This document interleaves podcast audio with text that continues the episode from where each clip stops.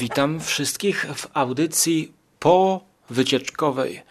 I dzisiaj opowiem o książce brytyjskiego podróżnika, chociaż podróżnik to słowo nie do końca pasujące do Roberta, Roberta McFarlane'a. Oczywiście zależy z której perspektywy patrzeć. Książka pod tytułem Szlaki, czyli opowieści o wędrówkach. To druga część trylogii wydanej przez wydawnictwo poznańskie w Polsce w 2018 roku wraz z poprzednią książką, która oryginalnie o górach, jego pierwsza opowieść, książka z esejami, relacjami z podróży, została wydana w 2008, a ta dzisiejsza, którą będziemy omawiać, to jest jego druga książka z 2012 roku. Żarłok i Skóra i Mando, Jerry, Bogusia, Szymas oraz nasi goście. Konglomerat podcastowy. Wasze ulubione podcasty w jednym miejscu. Zapraszamy. Zapraszamy. Zapraszamy. zapraszam. Właśnie, z jakiej perspektywy? Z naszej perspektywy na pewno można go nazwać podróżnikiem, ale z jego perspektywy, z tego w ogóle o czym jest ta książka, dosyć niecodzienna literatura podróżnicza, właśnie niecodzienna, to ja bym go nazwał wędrowcem. Wędrowiec to jest ktoś taki, kto lubi chodzić i spacerować również. To jest książka o szlakach, jak mówi tytuł. Czyli tu nie chodzi o to, że on, panie, ja byłem w Palestynie, byłem tam, siam i tutaj. Ta książka w ogóle zaczyna się w jego rodzinnym Anglii. Cała książka głównie jest w Anglii, choć są opisane jego wyprawy do Palestyny i do Hiszpanii E, ale właśnie, szlaki. Jego interesują drogi. Sam akt chodzenia, spacerowania, oglądania, podziwiania. Zaczyna się to w taki sposób, że on opisuje, że wyszedł z domu, bo coś go zainteresowało. Zaczął padać śnieg i po prostu wyszedł na spacer. Pierwszy rozdział, jaki jest opisany, jest chyba najlepszy, no tak, nie chyba, na, na, to jest najlepszy. Potem jakby tutaj troszkę się rozczarowywałem z każdym rozdziałem, e, da, dalej idąc, gdyż tak jakby uległ tutaj w tej, w tej opowieści całej manii tego, że musi podróżnik pokazać jak najdalsze rejony. Więc w połowie on opisuje wycieczkę do Palestyny, no i tam też, i, i, i w Himalaje gdzieś, i no, to nie było to, czego ja oczekiwałem. O Himalajach czytałem ciekawą e, opowieść e, jednego z członków Monty Pythona, Michaela Palina. Więc szczerze mówiąc, tamten rozdział u Roberta McFarlane'a tak przekartkowałem, bo tam nie było jakby nic nowego. E, on lepiej się czuje w swoich rodzinnych stronach i bardzo ciekawe rzeczy opowiada. On potrafi z igły zrobić widły trochę.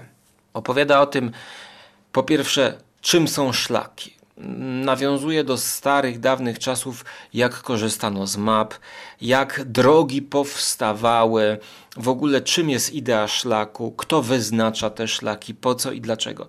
Opisuje jakiś tam swój spacer, który jest e, na początku książki wędróweczką, w którą każdy z nas mógłby się udać. Ale jednak to, że my idziemy z nim na tę wędrówkę, to po tym pierwszym rozdziale my inaczej możemy spojrzeć na własną okolicę. Na to, że jeżeli wyjdziemy, to możemy też sobie taki swój szlak wyznaczyć, obejrzeć rzeczy, których nie zauważaliśmy wcześniej.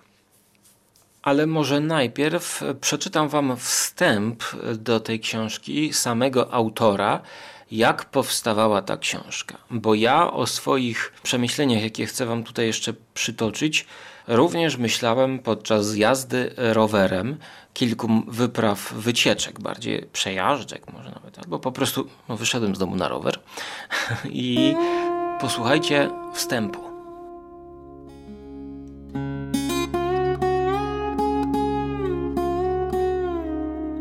Od autora. Książki tej nie można by napisać na siedząco. Jej tematem są zależności między drogami, chodzeniem i wyobraźnią. Dlatego też rozmyślaniami zajmowałem się w dużej mierze, też z konieczności, w trasie. Mimo, że jest to trzecia pozycja z nieoficjalnej trylogii poświęconej krajobrazowi i ludzkiemu sercu, nie wymaga uprzedniej ani równoczesnej lektury dwóch pozostałych. No całe szczęście. To zawsze miała być trylogia, ale można ją zrozumieć bez znajomości całości. Opowiada historię pokonania co najmniej tysiąca mil po dawnych szlakach w poszukiwaniu drogi do przeszłości, zakończonego wieloma niespodziewanymi powrotami do teraźniejszości bada duchy i głosy nawiedzające starożytne drogi, opowieści przypisane do szlaków, pielgrzymki i przejścia przez zakazane tereny, pieśni stworzenia i ich strażników, osobliwe kontynenty istniejące w obrębie krajów. Przede wszystkim jest to książka o ludziach i miejscach, o chodzeniu jako badaniu wnętrza i niewidocznym wpływie, który wywierają na nas mijane krajobrazy.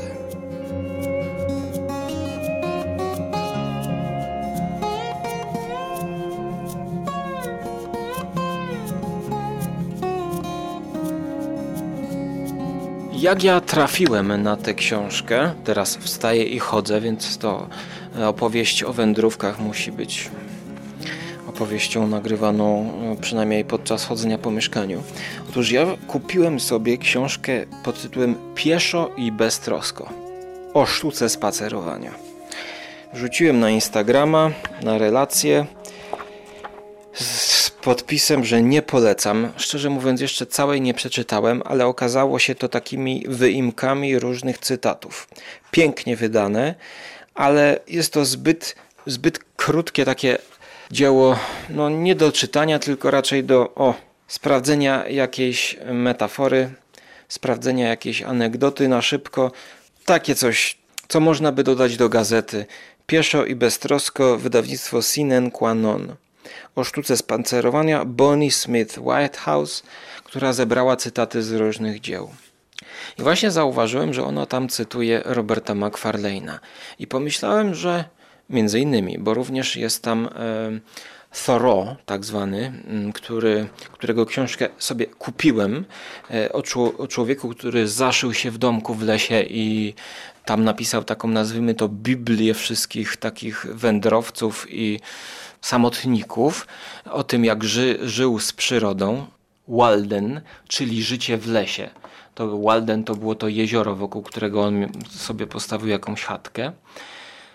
No i zobaczyłem, że właśnie szlaki to jest coś e, dla mnie, gdyż mnie, jeśli chodzi o podróże, nie interesują jak najdalsze podróże, jak najbardziej niebezpieczne wyprawy, jak najbardziej szalone pomysły i ekstremalne wrażenia. Nie, mnie to nie interesuje. Mnie interesuje, aby znaleźć przyjemność w spacerowaniu. I niezależnie czy ja odwiedzę ciotkę, babcię, to chcę mieć jakby, no nazwijmy to background, że jest sens wyjść e, wtedy na spacer i obejrzeć, co jest w okolicy, poszerzyć swój horyzont. I przyznam, że to może być dosyć niszowe podejście do literatury podróżniczej. Choć oczywiście no, czytałem parę podróżniczych książek, ale nie o to chodzi, bo teraz mówimy tutaj o szlakach, czyli o podróżowaniu na małą skalę. Podobny pogląd podziera, podzie, podziela Łukasz Długowski, który napisał książkę Mikrowyprawy w Wielkim Mieście. Było to omówione, tutaj właśnie na półce mam. Mikrowyprawy w Wielkim Mieście. Idea podobna. Polecam tamtą audycję i polecam książkę pod tytułem Mikrowyprawy i również jego konto na Instagramie całkiem, całkiem ciekawe, prowadzone właśnie w podobnym guście. I tutaj dziwi mnie krytyka, jaka jest na Lubimy Czytać. Dwie pierwsze wyróżnione recenzje, które mają no 91 łapek w górę. Facet ocenił 3 na 10. Pisze tak.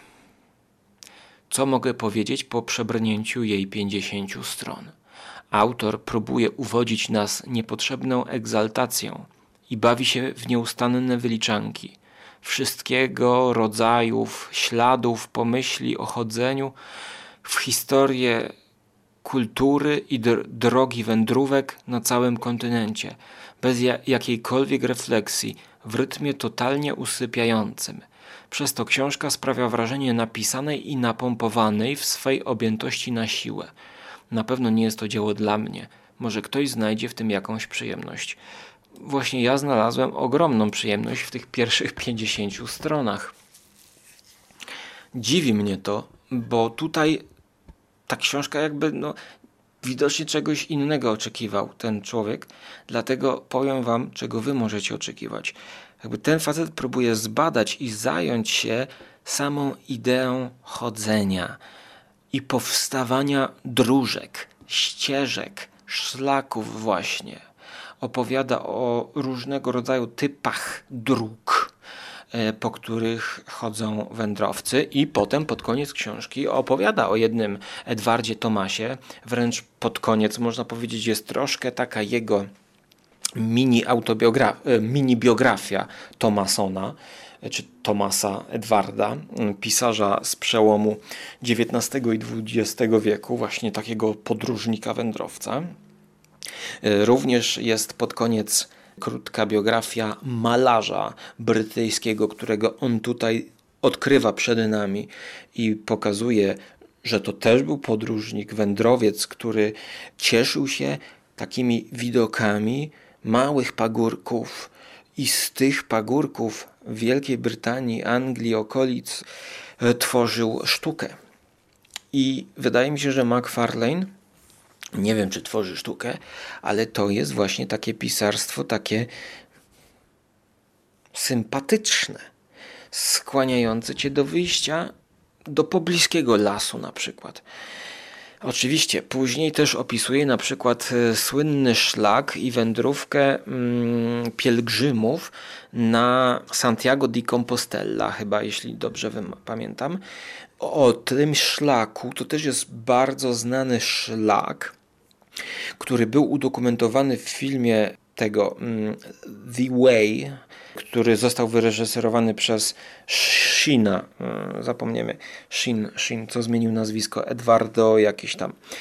Emilio Esteves, e, który obsadził swojego ojca, Martina Shina.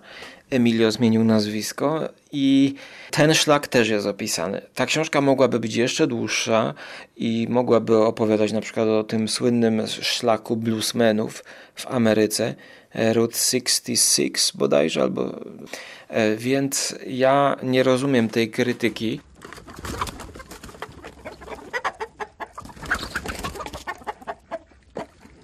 Robert McFarlane oferuje nam w szlakach rzadką możliwość spojrzenia na świat oczami wytrawnego miłośnika wędrówki, przyrody i historii. Liczyłem na to, sięgając po jego książkę. No i właśnie, dużo tutaj opisów przyrody, którą on widzi, ptaków, zwierząt, także ludzi, których spotyka. Oferuje nam też srogą dawkę wielopoziomowych metafor, upodobniających fragmenty książki do wiersza pisanego prozą. Nie spotkałem takowych wiele. Powiem ja, nie stroni od obszernych dygresji natury historycznej. Oczywiście, właśnie to jest sedno trochę jego książki. Nawet udało mu się wpleść, dobra, to już skracam, skracam, ale i tutaj czytelnik lubimy czytać, pisze, że to nie na to liczył. Z okładki dowiadujemy się, że w osobie Roberta McFarlane'a brytyjska literatura podróżnicza znajduje nowego mistrza i przyznaje, nawet na jedną stronę nie dane było mi odpocząć od wysiłku autora w byciu tymże. No, to jest dane na okładkę, to nie będę polemizował z promocją, mogłoby tego nie być, bo być może literatura podróżnicza jest to za duże słowo, bo to jest właśnie literatura spacerowa albo wędrownicza, ale jeżeli weźmiemy pod uwagę, że y, rzadko kiedy w literaturze podróżniczej właśnie eksplorowane są tego typu elementy samej drogi. Y, teraz wyszła jego trzecia książka pod tytułem Podziemia, gdzie on schodzi pod ziemię. Y, będzie badał szlaki jaskiń, bunkrów na przykład. Pod ONZ jest jakiś bunkier. To wszystko są elementy właśnie niecodziennych podróży, nazwijmy to. Więc tutaj dalsze, dalsza krytyka tego użytkownika umęczy, jest, jest dla mnie niezrozumiała. Umęczyłem się niemożebnie. Wspomnę przy okazji, że ilość literówek skłania do przekonania, że pani, która dokonywała korekty, to też ją zamęczał. Dobra, e, to są Jaka jest ogólna ocena tej książki na Lubimy Czytać? 6,7 na 10 przy 53 ocenach i 17 opiniach. Choć matko, ci, którzy zdecydowali się napisać, to rozczarowałem się tą książką. Jest nudna. A czytając kolejne opisy szlaków, dostrzegłem, że pisarz ciągle powtarza, opisuje w podobny sposób ptaki, rośliny, skład ziemi. Moim zdaniem lepiej by się ją czytało, gdyby były w niej też mapy i zdjęcia, a mniej niepotrzebnych treści. No i trudno mówić o nim jako o podróżniku. Zero w nim prawdziwej pasji travel, travel, travelera, raczej jakiś przyrodnik i pasjonata poezji. Miałem czytać jego książkę kolejną, ale już mnie tak zniechęcił, że odpuszczam. 3 na 10. No i to jest właśnie to, czego nie lubię. Tutaj travel, pasja. No miałem przyjaciela, który y, miał taką pasję, że wszedł na Broad Peak y, góro, zimą i już nie ma tego przyjaciela. Więc Zupełnie nie rozumiem tego podejścia. Znaczy, oczywiście, no, jest pełno tego typu książek, o to chodzi. Jest pełno tego typu książek, w których ludzie opisują największa wyprawa, najdłuższa wyprawa. Wy, wybrałem się kajakiem wokół Ziemi. Wybrałem się na jabłuszku wokół Tatr. Wybrałem się na pudełko od zapałek przez Ocean Atlantycki. E, no, jeżeli oczekujesz właśnie czegoś takiego, że zalicza przystanki, to tutaj tego nie ma. I że jak najdalej przejdzie. Właśnie to jest, to jest wszystko to, co dotychczas w literaturze podróżniczej było pomijane, tak bym powiedział. Aczkolwiek też dotychczas to jest duże słowo, no bo mm, muszę przeczytać jeszcze Thoreau. To też jest literatura podróżnicza, bo facet tam chodzi po lesie i po tym jeziorze i poznaje przyrodę. Więc musicie wiedzieć, jeżeli sięgniecie już po to, na co się piszecie. To nie jest przewodnik. Idziesz tu, zobaczysz to i tam, to, y, to jest takie i to jest. Zgodzę się tylko z jednym argumentem, że brakuje tutaj zdjęć. Tutaj nie ma jakichkolwiek zdjęć, szkiców, map, nic, nul, zero. Nie, nie wiem, czy to jest wina wydawnictwa, czy idei właśnie, ale jak ja już wszedłem w narrację, to po prostu jak było coś, co mnie wyjątkowo zainteresowało, to sam wchodziłem i sprawdzałem. Są dwa podejścia. Albo są jakieś zdjęcia, ale zakładamy, że te zdjęcia, żeby w ogóle coś dały, to muszą być no, papier A4 najlepiej, ładne zdjęcia, dużo, dużo i z tego robi się album, więc idziemy albo w jedną, albo w drugą stronę. Szczerze powiedziawszy, cieszę się, że na przykład do Michaela Palina, właśnie wspominanej już Himalai, są tam zdjęcia kolorowe, ale koniec końców, żeby to poczuć, to trzeba obejrzeć ten serial, który on nakręcił na podstawie tych swoich zapisków i podczas kręcenia, i podczas nagrywania całej tej wyprawy. Tutaj Książka miała być o szlakach, ale nie wiadomo do końca o czym jest. Autor zmieszał tu tyle wątków tak różnorodnych i niezwiązanych ze sobą, że nie ma to żadnego ładu trochę właśnie w połowie książki on gubi ten motyw szlaków, jak powstają szlaki. Tak, tak jakby on już wytłumaczył, to wyjaśnił i wyrusza na jakieś tam wyprawy do tej Palestyny i tam opowiada o przygodzie, że oni poszli na spacer i że tam było zakazane spacerowanie po określonych terenach, że spacerowanie było niebezpieczne i że jak oni wyszli na spacer, to ktoś tam do nich strzelał, ćwicząc ćwicząc jakieś manewry wojenne. Więc nawet jeżeli on wybiera się na taką wycieczkę, to on pokazuje to z innej strony. On pokazuje to z takiej strony, żebyś ty zobaczył, że są miejsca na świecie, gdzie coś tak banalnego jak spacerowanie jest trudne w wykonaniu. Są tu opisy przyrody. Owszem, są. Czasami ja trochę przeskakiwałem te opisy, czy robiłem takie skanowanie. Ale moja końcowa ocena tego to jest, powiedziałbym, no 6, 7 nawet. Może bym dał nawet 7. Za ten pierwszy rozdział i, i ten początek to jest to coś naprawdę ciekawego. A tym bardziej duże brawa e, należą się za odkrycie dla mnie czegoś, co się nazywa Broomway. I to, że on odkrywa to i nie ma tutaj żadnych zdjęć, to teraz jest właśnie i dla mnie to było, ja cały czas podczas czytania dla mnie to była zagadka, czy tu powinny być zdjęcia, czy, czy, czy nie powinno być zdjęć. Co by mi to dało?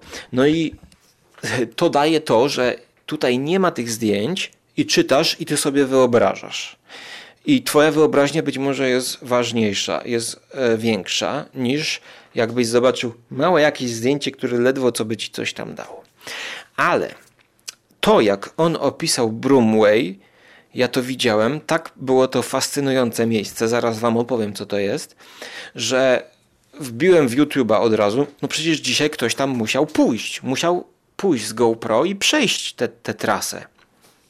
I rzeczywiście, jak ja to zobaczyłem, to w przypadku Bromway to było tak opisane, że ja tylko otwieram. Aha, no przecież ja już to widziałem.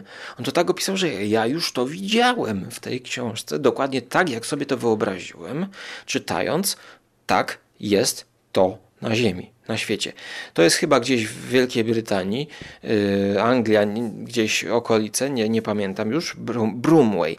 I wyobraźcie sobie, że to jest taka droga właśnie, droga, która, która prowadzi przez jakiś teren zalewowy ten teren zalewowy zalewa tę drogę, ale w tak specyficzny sposób, że ona jest po kostki. Ta woda jest po kostki, więc cały czas można przechodzić ten szlak. To jest teren płaski, daleki teren. Ja nie wiem, czy to jest po jakimś jeziorze wokół, um, czy, czy, nie pamiętam, ale chodzi o to, że jak to jest zalane, to po prostu jak wyjdziesz na środek tego Broomway, odwracasz się wokół własnej osi, robisz 360 stopni i widzisz wszędzie wodę, a stoisz po kostki, tak? I widzisz wokół taflę wody, która łączy ci się z horyzontem i z niebem, a dodatkowo często tam jest mgła, więc nic nie widzisz oprócz tak e, jakby jednej białej nieskończoności wokół ciebie we wszystkich kierunkach. To można zobaczyć na YouTubie. Tak jak e, reżyser Cube zrobił swój drugi film bodajże, e, White, tam było coś takiego, że nagle nie ma nic i aktorzy chodzą po białej przestrzeni. Nie ma nic po prostu. To był słaby film, ale rzeczywiście na Broomway tak jest. I ten Broomway to był jakiś szlak. Jego nazwa wzięła się od mioteł. Mioteł, które były wbijane w takie błoto tam, które jest jakby cały czas jest błoto, dlatego trzeba chodzić w gumiakach i żeby, żeby tam e, cię, cię, cię, cię nie wciągło. Jest to bardzo niebezpieczny szlak, jak on opisuje. E, szlak, w którym zginęło ileś tam osób i to nie dlatego, że właśnie tak jak oczekujesz pasji travelera. O, tam są krwiożercze szogo, szogoty, wieczorami wychodzą wampiry, jest przerąbane. Nie, okazuje się, że to jest taki właśnie on wyszukuje trochę takie rzeczy e, subtelnej podróży, powiedziałbym, które mogą cię zauroczyć, choć nie zawsze, no, kto co lubi. I, a mimo to jest to bardzo niebezpieczny szlak, bo ludzie się gubią. Dlaczego się gubią? Bo tracą drogę i nie są w stanie wrócić i giną z wycieńczenia tam. Więc te miotły to były wbijane co jakieś chyba 30 stóp dawno, dawno temu, ten, ten szlak e, był chyba w XVIII wieku już powstał, szło się od miotły do miotły. Teraz są porobione tam zamiast tych mioteł są powsadzane jakieś pale na stałe, powbijane I był sposób, żeby przejść niezależnie od pogody, od, od mgły. Otóż taki był sposób e, dawien dawno, żeby to przechodzić mając kamień obwiązany długą linką. I to się robiło w ten sposób, że się podchodziło do tej miotły, kładło się kamień i szło się na oślep do przodu dalej. Jeżeli się trafiło na kolejną miotłę, no bo była mgła, więc no, trzeba by postawić płot. No wtedy nikt, nikt nie, nie inwestował. To nie była droga prywatna, żeby ktoś zainwestował i pobierał opłaty. Więc szło się, jak się nie trafiło do miotły, to się wracało po tym sznurku do kamienia i korygowało się kąt drogi i się tak szło i się szło, aż się przechodziło. Bardzo ciekawe doświadczenia. No i, i jeżeli ten facet tam pojechał i on przechodzi to, to on opisuje to jako swoje przeżycie, jako wręcz wewnętrzne jakieś takie transcendentalne przeżycie, gdzie on znajduje się na jakiejś obcej planecie, obcej ziemi, zupełnie kosmiczne wrażenia tam są. No i to jest po prostu tego typu literatura. Ja nie wiem, czego oczekują ci ludzie i szczerze mówiąc, nie tak miała wyglądać ta audycja, że ja tutaj będę e, bronił i czytał, bo po prostu rzuciło mnie, że ktoś, rzuciło mi się w oczy, że ktoś może to krytykować za to, że facet po prostu opisuje no, nazwijmy to spacerowanie. Chociaż tutaj też jest dużo wędrówek, no bo on tam przechodzi po kilkanaście, kilkadziesiąt mili, też to opisuje. Więc ja polecam tę książkę, żeby, ale ze świadomością, na co się piszecie.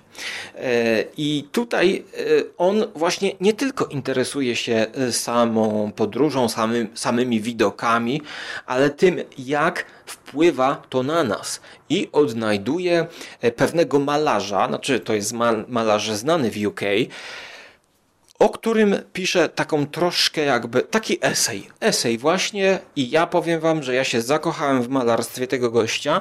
E, przypomina mi on Rafała Malczewskiego i na koniec, jako bonus, jako bonus chciałem przeczytać wam trochę z moimi komentarzami, właśnie dłuższy fragment w formę takiego audiobooka komentowanego, skracanego. Ja będę skracał to żebyście zobaczyli, jak on pisze nie o samej wędrówce, tylko o tym malarzu, jak ten malarz maluje i co fascynuje samego McFarlane'a w tej, mm, w, tej, w tej sylwetce i w tym podejściu do pagórków.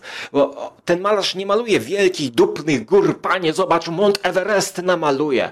Nie, on maluje to, co wokół niego, drobne, małe górki, choć po pewnym czasie też go ciągło dalej w dal. No jeśli tutaj nie ma opisanych dużych wypraw, e, no to ja naprawdę nie wiem, co ludzie oczekują, bo jest opisany e, ten Thomas, Thomas Edward, który by, był, który podczas wojny podróżował e, i, i był w wojsku.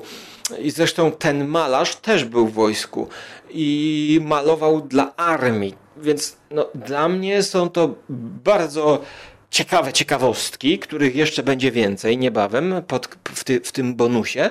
I ja jestem za, zaciekawiony. Mam już na półce podziemia.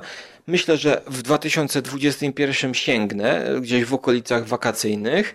Może pojawi się audycja, jeżeli to, to będzie. Yy, Szanowni Państwo, zostawiam, zostawiam Was e, e, z moim e, ja, bo ja właśnie wróciłem z biblioteki, gdzie oddałem tę książkę, szlaki, bo, bo, bo nie, nie miałem, wypożyczyłem z biblioteki, oddałem i teraz muszę zjeść, bo jak zwykle ta wycieczka rowerowa się przeciągnęła i wydłużyła. Więc herbatka, i po krótkiej przerwie wracamy do sylwetki. No, dla mnie możecie sobie wygooglać na Instagramie, żebyście słuchali i oglądali, jak wygląda ten nasz raviolus, ra, ravioli. Z, ra, z ravioli mi się teraz kojarzy wszystko, mi się teraz z jedzeniem będzie kojarzyło. Wracamy po krótkiej przerwie.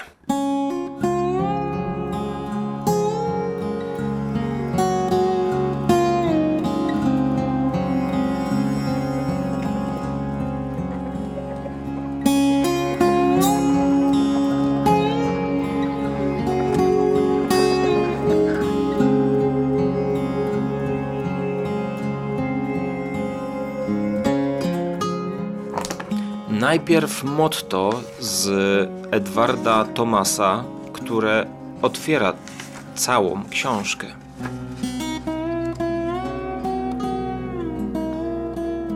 Wiele napisano o podróżowaniu, znacznie mniej o drodze. 1913 Edward Thomas Kredowe pagórki od dawna przyciągały bezskrzydłych wędrowców, niedoszłych aeronautów, powietrznych marzycieli i innych wyznawców podwyższonej perspektywy. Najbardziej fascynujący z nich wszystkich wydaje mi się Eric Raville. I tutaj od razu sięgnijmy po BBC i posłuchajmy, jak wymawiają Anglicy nazwisko tego malarza. Well, now on Radio 3, it's time for the Sunday feature. And tonight, in Eric Revilius' Chalk and Ice, Alexandra Harris explores the life and the work of the elusive artist. Revilius. Posłuchaliście fragmentu audycji z BBC, która omawia obraz Erika Raviliusa Chalk and Ice, który też jest wspominany właśnie e, w, w szlakach u McFarlane'a. Najbardziej fascynujący z nich wszystkich wydaje mi się Eric Revilius. I tutaj ja może dla ułatwienia swojego i waszego będę czytał Ravilius z dwóch powodów. Z tego powodu, że chcę zapamiętać jego nazwę i chcę, żebyście wy zapamiętali, jak pisze się te nazwisko, żebyście mogli sobie wygooglać i mam nadzieję, że to się nam bardziej przysłuży. Tak więc dochowaliśmy tutaj um, wierności i rzetelności, jeśli chodzi o wymowę. Ale chcę, żeby to było bardziej praktyczne. Żył facet 1903 do 1942. Angielski artysta krajobrazu i pasjonat wędrowania, który kochał kredowe obszary Anglii, zwłaszcza zaśnieżone, i który malował ich zawijasy i szlaki we wszystkich porach roku. Kiedy próbowałem sobie wyobrazić, jak Edward Thomas postrzegał angielskie pagórki, często myślałem o obrazach, a raczej myślałem obrazami Raviliusa. I w tym momencie ja od razu, czytając już tę książkę i wiedząc, że nie ma tutaj ob obrazków, zdjęć, reprodukcji, zacząłem googlować. I jak zobaczyłem, no to rozkochałem się. Ravilius był akwarelistą, rytownikiem i muralistą, jednym z najbardziej znanych angielskich artystów lat 30. Wędrowcem przemierzającym dawne ścieżki i szlaki, wyznawcą bieli i oddalenia, wizjonerem codzienności. Nieznajomi mówili o nim Erik, przyjaciele Ravilius. Bliscy przyjaciele nazywali go chłopcem. Przezwisko nawiązywało do Piotrusia Pana. Urok przeciwstawiało starzeniu się, charyzmę śmierci. Był przystojny, kanciasta twarz, duże ciemne oczy, rzymski nos, długie palce, w których zawsze trzymał pędzel, długopis albo papierosa.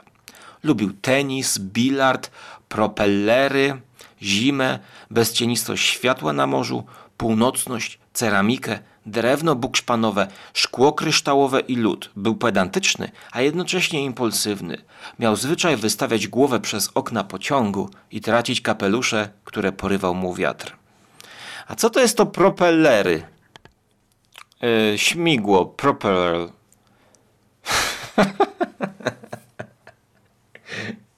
Śruba napędowa. Yy, pomińmy ten enigmatyczny fragment. Wychowywał się na angielskich nizinach, a zanim nieodwracalnie zakochał się w lodzie i w świetle dalekiej północy, wielbił kredę i południe. Tutaj cały rozdział tej książki jest poświęcony właśnie kredzie, zatytułowany jako Kreda i miejsce kredowych krajobrazów w Anglii.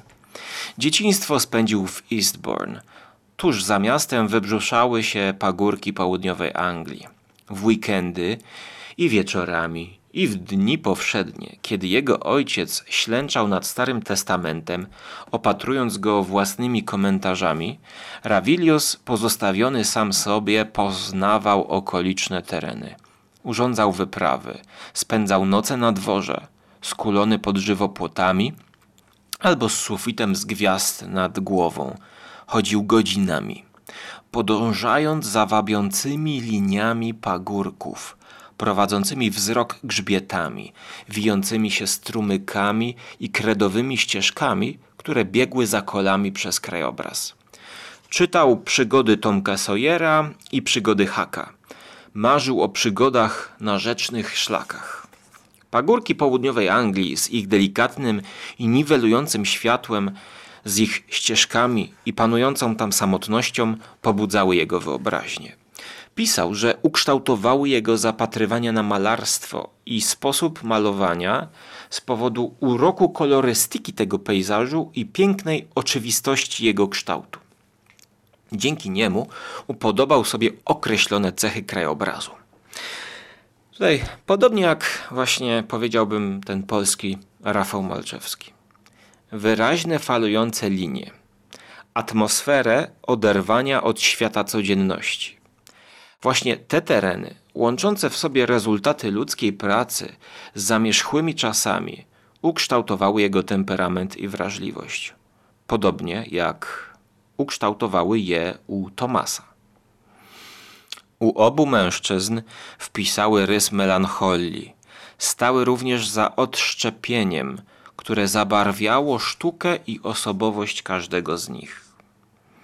Ravilios nabrał, jak się wyraził jeden z jego przyjaciół, pewnego rodzaju nieufności do wszelkiego rodzaju przywiązania i osobistego zaangażowania. Inny zauważył, że wydaje się zawsze być trochę jakby gdzieś indziej.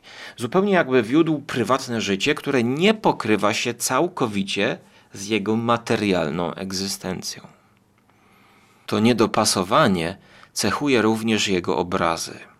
Oglądając je, człowiek ma poczucie, jakby spoglądał na dwie nałożone na siebie folie, przedstawiające ten sam obraz, nie do końca dopasowane albo dwie przecinające się nieustannie ścieżki, które nigdy nie docierają do celu.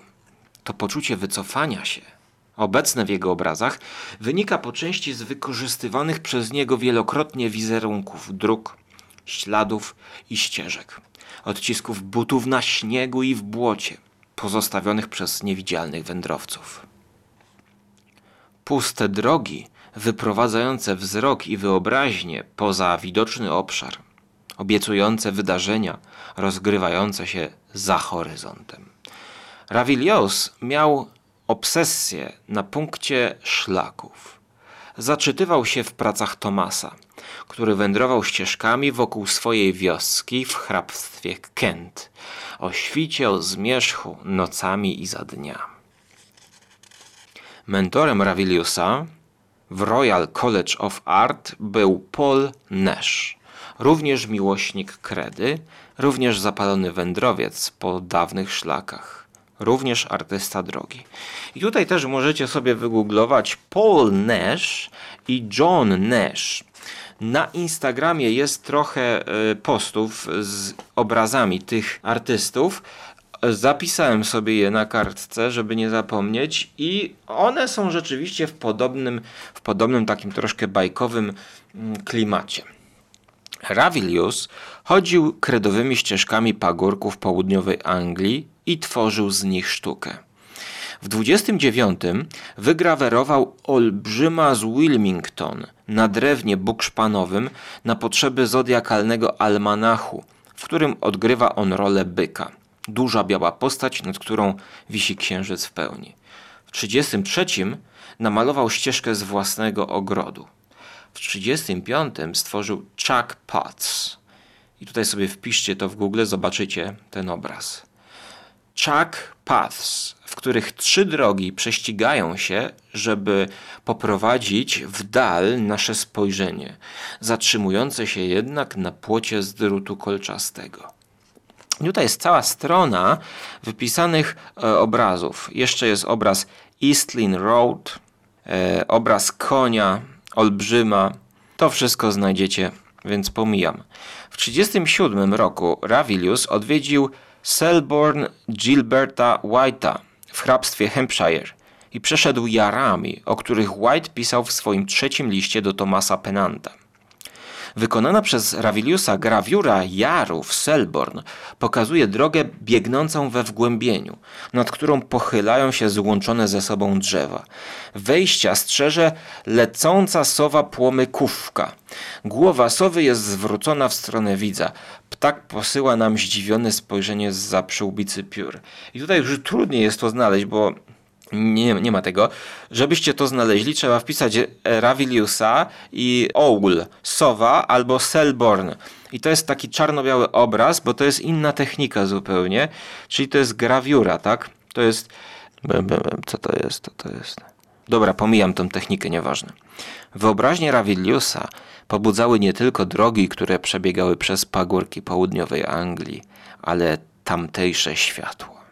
Pobielające zielenie, odznaczające się charakterystycznym blaskiem i łączące w sobie perłowość kredy, ździebeł trawy i pobliskiego morza. Kto chodził po tamtym regionie w środku lata albo zimy, wie, że światło to ma również osobliwą zdolność do spłaszczania widoku. Ustawiania rozsianych po pejzażu obiektów w równej odległości. Oto właśnie charyzmatyczny miraż pagórkowatej Anglii. Zjawiska wydają się rozgrywać na jednej pochyłej płaszczyźnie, w której wydrążono drogi. W tym sensie światło przypomina nam inne spłaszczające widok zjawisko. Światło na biegunach, które pada zazwyczaj ukośnie i jest podobnie drobnoziarniste. No, chciałbym zobaczyć tamto światło w tamtych terenach. Unikatowa dysharmonia światła i drogi była charakterystyczna dla sztuki Raviliusa. Stworzył sceny, które wydają się trwać w zawieszeniu, niemal w zastoju, ale jednocześnie sugerują jakąś przyszłość albo rozgrywające się równocześnie zdarzenia. U odbiorcy budzi to dysonans. Poczucie znajdowania się w przestrzeni zawieszonej pomiędzy dwoma światami, albo nawet istniejącej w całkowicie odmiennych systemach geometrycznych. Właśnie, inne systemy geometryczne kojarzą mi się właśnie z obrazami wsi i polskich gór, Tatr, właśnie Rafała Malczewskiego. Tamtego dnia, i teraz tutaj wraca do swoich przeżyć osobistych e, Robert McFarlane, tamtego dnia miałem poczucie, jakbym wkroczył do jednego z obrazów Raviliusa. To wrażenie zastygłego ruchu, działania rozgrywającego się gdzieś indziej. Światło wyrównywało pejzaż, a szlak wabił nas, zachęcając go do dalszej podróży. Śnieg był wszędzie pożłobiony, starymi kredowymi ścieżkami, oponami rowerów i kołami traktorów, liniami pozostawionymi przez nasze narty, ślady psów, zajęcy, królików, bażantów i ludzi. Na pochyłościach przejeżdżaliśmy obok pustych łodyg trybuli leśnej i pożółkłej trawy. Zapadaliśmy się w głębokie zaspy przy głogach, które wydawały się rosnąć niczym kryształy. Żółć, biel, szarość, szary błękit, mróz wypalił pejzaż do kolorów ziemi. Tu i tam natykaliśmy się na ogniste rozbłyski, jagody głogu, droździki migające w locie. Medal dla tego, kto wie, co to, co to są droździki. A, to są ptaki. Ptak droździk. No, brakuje zdjęć w tej książce. Minęliśmy pustkę, przycupniętą. Mm, no, to ciekawe przejęzyczenie. Podczas czytania tutaj dużo wycinam i edytuję, czego wy nie słyszycie, ale minęliśmy pustułkę. Przycupniętą na słupie telefonicznym z głową ukrytą między skrzydłami. Minęliśmy okrągłe kurhany z epoki brązu i długie kurhany z neolitu. Dwa zające szaraki przebiegły pospiesznie przez duże pole, odrzucając śnieg tylnymi łapami. W koronach długiego, wąskiego lasku bukowego trajkotały gawrony. No i tutaj on sobie opisuje, opisuje, opisuje. Czaple, ro, ro, roślinność opomijam, bo chcę jeszcze skupić się tutaj w tym czytanym fragmencie na malarzu. Przez większą część Raviliusa pagórki południowej Anglii zaspokajały jego krajobrazowe potrzeby. Zwłaszcza zimą, kiedy wiszące korony buków odcinały się na śniegu niczym pociągnięcia atramentem na akwareli. Pejzaż ten ucieleśniał jego estetyczny ideał. Wyraziste linie, blade światło padające na bladą ziemię. Ale kiedy lata trzydzieste zaczęły się zbliżać ku końcowi, zapragnął innego miejsca, innego świata. Jak wielu Anglików przed nim i po nim, znalazł to inne miejsce na północy, w krainie koła podbiegunowego. W środku nocy gór lodowych, unoszących się na wodzie czarnej jak lakier. Od dzieciństwa znajdował się pod urokiem romantyzmu podbiegunowych krain. Przeczytał wiele wspaniałych książek o pełnych przygód wyprawach na Arktykę. Kolekcjonował XIX-wieczne wydania, mapy i obrazy przedstawiające daleką północ. Kolor bieli, a jeśli to nie kolor, to ton. Klimat albo jego brak wydawał się fascynować go w szczególny sposób. Kiedy wybuchła II wojna światowa, obsesja na północy tylko się pogłębiła. Niestrudzenie tam podróżował, a pretekst dało mu uzyskanie pod koniec 1939 roku stanowiska oficjalnego artysty wojennego, które zapewniło mu stopień tymczasowego kapitana w brytyjskiej piechocie morskiej oraz możliwość wyboru miejsca stacjonowania. I tak w ostatnich trzech latach życia, jak napisał o nim Peter Davidson, śnieżne światło na nagich zboczach ciągnęły Raviliusa coraz bardziej na północ. W maju w 40 roku zdarzyło się coś, o czym wcześniej nie mógł nawet marzyć. Miał popłynąć na okręcie Highlander do Norwegii i za koło podbiegunowe. Highlander miał zapewnić wsparcie atakowi aliantów na Narvik. Do zobaczenia, Tasz, napisał do swojej żony. Wrócę, jak tylko będę mógł, choć to akurat, jak zapewne się domyślasz, nie leży w mojej gestii. Przez wiele dni płynęli w sprzyjających warunkach, pokonywali kolejne szerokości geograficzne. Dni wydłużały się w miarę jak parli na północ. Ravilius siedział na pokładzie i pracował godzinami. Albo stał, oparty o reling na rufie, bez płaszcza. I obserwował kilwater kotłujący morze w kremową zieleń. Biały ślad, kredowa droga, która przyzywała go aby opuścił okręt i ruszył nią z powrotem na południe, z powrotem do Tasz. Stoczono zaciekłe bitwy morskie. Okręt Raviliusa został zaatakowany przez samolot, miny i okręt podwodny. Ale on prawie nie wspominał o tych niebezpieczeństwach w listach do domu. Ataki traktował jako zdarzenia poboczne. Dla niego ważniejsze było to, że słońce nigdy nie opadało poniżej linii horyzontu. Na 70 i 30 szerokości geograficznej północnej namalował słońce w środku nocy, jarzące się na pomarańczowo nad północnym morzem, które było tak ciemnogranatowe, że niemal rozpływało się w czerń. No i tutaj nie mogę znaleźć tego obrazu. Obrazy, które Ravilius stworzył w czasie tych kilku tygodni, należały do jego najlepszych – z pewnością zaś najdziwniejszych. Wiele się na nich dzieje, a jednak brak tam zupełnie ludzi. Odznaczają się samotną czujnością. Ravilius jako wartownik.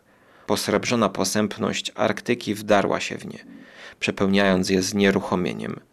Dopłynęły do punktu zamarzania, a mnie burczy właśnie w brzuchu. Również jego listy przybrały bardziej oniryczny ton – Atmosfera była oddalona i urocza. Kiedy okręt wpływał w pasy gęstej mgły, miało się wrażenie, jakby przenosił się do stanu jakiegoś nieziemskiego istnienia. Rybitwy przelatywały obok nich jak strzały. Towarzyszyły im delfiny. Raz zobaczyli nawet pustą, wywróconą do góry dnem szalupę. Ravilius obserwował sunące nad nimi niemieckie samoloty, lśniące wysoko na cynkowym niebie. Przez chwilę poczuł, jakby został przemieniony w szklaną rurkę, cylindryczną i kruchą, Miało to coś wspólnego z byciem obserwowanym z góry. Gdy powrócił po siedmiu i pół tysiącach mil i czterech tygodniach na morzu, gdzie był świadkiem śmierci i cudów, Rawilius zrozumiał, że to doświadczenie go odmieniło.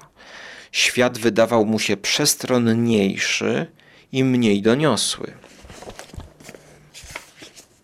Północ nadal go przyciągała. Po kilku tygodniach w domu zatęsknił za kolejnymi wyprawami. Na Islandię, potem Grenlandię, do Rosji, może na Nową Ziemię. Ale komisja doradcza artystów wojennych poprosiła, aby namalował operację maskowania białego konia z Uffington, który zasypywano torfem. Posłuchajcie, tutaj właśnie jest niesamowita ciekawostka. Jest tak ciekawostka działająca na wyobraźnię, jak się spojrzy na te obrazy, jak się zobaczy te zdjęcia owych miejsc, bo w internecie są również te pagórki, które mogły inspirować malarza. To jest dobra scena do jakiegoś filmu wojennego. Ja bym to chciał zobaczyć zekranizowane. Bo on był malarzem teraz wojennym i miał malować różne wydarzenia i poprosiła, żeby namalował operację maskowania białego konia Zaffington, którego zasypywano torfem, aby niemieckie bombowce nie mogły go wykorzystać jako punktu orientacyjnego albo zniszczyć go. Znacie to, to, to, to tego konia na pewno widzieliście. Chcieli również, żeby namalował wozy strażackie, które rozesłano w teren, aby spryskały kredowe drogi czarnym atramentem – po to, aby Luftwaffe nie mogła ich wykorzystywać do celów nawigacji. Ciekawi mnie, czy oni ten atrament wlali do tych samych baniaków, co wodę trzymali? No bardzo ciekawe. I jeszcze gdzieś w tej książce e, wyczytałem znowu, że Niemcy e, zrzucali na tereny angielskie drobne, nie, gdzieś to, no już nie znajdę, bo nie, nie zapisałem chyba, E, drobne elementy blaszane, czyli blachy, takie papierki blaszane albo jakieś takie fragmenty pocięte, pociętej blachy na duże połacie terenów, żeby zmylić radary brytyjskie. No też musiało to wyglądać onirycznie i surrealistycznie. To jest wręcz scena, którą mógłby wykorzystać sam Mendes. W swoim filmie 1917. E, no tylko, e, e, tylko, że to było o I wojnie światowej, tutaj mamy o II wojnie światowej. Wysłano go do Islandii. Moment był wysoce niefortunny. Jego żona Tirzach, też Tasz i Tirzach jest tutaj zmiennie określana. Żona trafiła do szpitala i do domu wróciła tydzień przed tym, jak Ravilius miał wyjechać. Powinien był zostać i zaopiekować się rodziną, ale postąpił inaczej. Kupił egzemplarz swojej drugiej w kolejności ulubionej książki, Żywot doktora Samuela Johnsona, przeciął go na dwie połowy ząbkowanym nożem, jedną dał żonie, a drugą spakował dla siebie. Dowód, że ponownie się zobaczą. Jednej z bliskich osób zwierzył się, że wyjazd na Islandię jest dla niego spełnieniem wieloletniego marzenia o zbadaniu najdalszych krańców fizycznego świata. Tutaj jest krótki opis, jak było na Islandii, co tam robił. No i teraz dowiadujemy się, że muszą wylecieć, ratować jakiś statek, gdyż zaginął samolot. Ravilius został gwałtownie obudzony o świcie. Za chwilę wylatywała ekipa poszukiwawcza. Trzy Hudsony miały przeczesać oddalony od 300 mil od brzegu obszar, gdzie zaginął samolot. Czy Ravilius nie chciałby polecieć jako obserwator, namalować przebieg poszukiwań, może nawet chwilę odnalezienia zaginionego samolotu i pilota? Kiedy Hudsony wzbijały się w powietrze, zanosiło się na sztorm. Przeprowadzili poszukiwania, nie znaleźli nic i zawrócili do bazy. Skrzydła samolotów podskakiwały od turbulencji. Kontakt radiowy między maszynami stawał się coraz rzadszy. W końcu zaniknął. Tylko dwa Hudsony wylądowały z powrotem. Samolot Raviliusa nie wrócił. pilot, nawigator, radiotelegrafista, strzelec i artysta, który jako mały chłopiec na pagórkach południowej Anglii marzył o lataniu nad, nad lodami północy, nie wrócili. Samolot z całą piątką zaginął podczas poszukiwań zaginionego samolotu. No i tutaj jeszcze ten rozdział jest skwitowany przechadzką autora książki z Dawidem, jakimś tam poznanym kolegą, e, jak spotykają panterę. Jest też scena, jak spotykają borsuka e, gdzieś w tej książce i ja też powiem wam, że właśnie jak byłem w Beskidzie Śląskim, to e, jechałem taką dolinką pomiędzy górami, autem jechałem akurat, godzina 23 w nocy, przede mną przeszedł borsuk. Borsuk. Powiem wam, że ten borsuk aż musiał przeze mnie zostać wygooglowany. No, Beskid Śląski. Pierwszy raz w życiu zobaczyłem takiego potwora. Pierwsze wrażenie było bardzo surrealistyczne, gdyż zdziwiłem się, bo moja pierwsza myśl to była taka: skąd tutaj mrówkojad? Ale wygląda jak mrówkojad. Nie, to nie może być mrówkojad. Zwróciłem po sekundzie na kolorystykę jego sierści, czyli szary z paskami czarno-białymi. Ten borsuk po prostu był jak czołg. To nie było jakby przebiegł ci kot przez jezdnię albo jak pies. To przebiegł jakiś taki rozlazły czołg, tak bu bu bu bu bu bu bu. Zatrzymał się po środku i dokładnie spojrzał na mnie, na światła samochodu, tak jak opisał to e, Robert McFarlane w swojej książce. Dokładnie tak, z takim zniechęceniem, takim, o, ktoś mi tu przeszkadza i poszedł dalej w swoją stronę. Nie, nie, nie, nie zaznaczyłem tego fragmentu, ale jak, jeżeli przeczytacie szlaki, to spotkanie z Borsukiem wyglądało podobnie. Tak się przeczołgał właściwie po, po jezdni, bardzo nisko, taki niski był czołgający się to Borsuk. Potem powiedziałem babci, że słuchaj, widziałem borsuka. A skąd tu borsuk? Musiałem się kłócić, że tu sprawdziłem, jednak borsuki żyją w Polsce, tak i są. No i pierwszy raz tego borsuka spotkałem i to było surrealistyczne. Surrealistyczne, ciekawe, zaskakujące, no bo spojrzał na mnie i taki widać był, jakby załatwiał jakieś swoje sprawy, więc zalatany strasznie był ten borsuk. Nawet nie pomyślałem o aparacie, żeby go sfotografować, bo to było tak szybko, a spotykam tam dużo zwierząt w tych rejonach. Udało mi się nakręcić sarnę. Wiadomo, no, sar, popularnie mówiąc sarnę, ja wiem, że to Polacy często mylą, ja też to mylę, ale chodzi mi o sarenkę, a nie jelenia. Nakręciłem to, stanąłem, był, był już zmierzchało, więc jest jasno, mam takie ujęcia, na pewno je wsadzę gdzieś do serii z miasteczka Ustroń Zdrój, które trochę jest stylizowane na miasteczko Twin Peaks, znaczy jeśli chodzi o czołówkę i takie przebitki tego miasta, no bo niesamowite wrażenia. E, bo ona stała i skubała. Ja chciałem podjechać coraz bliżej, coraz bliżej, no i, no i wtedy uciekła. W nocy też widziałem grupkę już chyba jeleni z takim porożem, ale już było tak ciemno i no, no nie mam dobrego sprzętu, żeby to e, nakręcić. No jeże też były jeże. Podróże e, mogą się wiązać ze spotkaniami ze zwierzakami. I tutaj właśnie też Robert McFarlane opowiada o nich ale jest już, słuchajcie, godzina 17. Ja się muszę zbierać, bo dzisiaj jest ostatni dzień, 21 września, do którego ja muszę oddać tę książkę. Już nie można prolongować jej w bibliotece. No szkoda, bo gdybym miał to na własność, to bym podkreślał. To jest tego typu podręcznik chodzenia, że podkreślamy i potem e, sobie te cytaty, nie wiem, czy robimy zdjęcia, czytamy podczas e, spaceru, jakoś wspominamy. Kończę, zamykam, zamykam książkę McFarlane'a i rowerem jadę oddać to do krakowskiej biblioteki.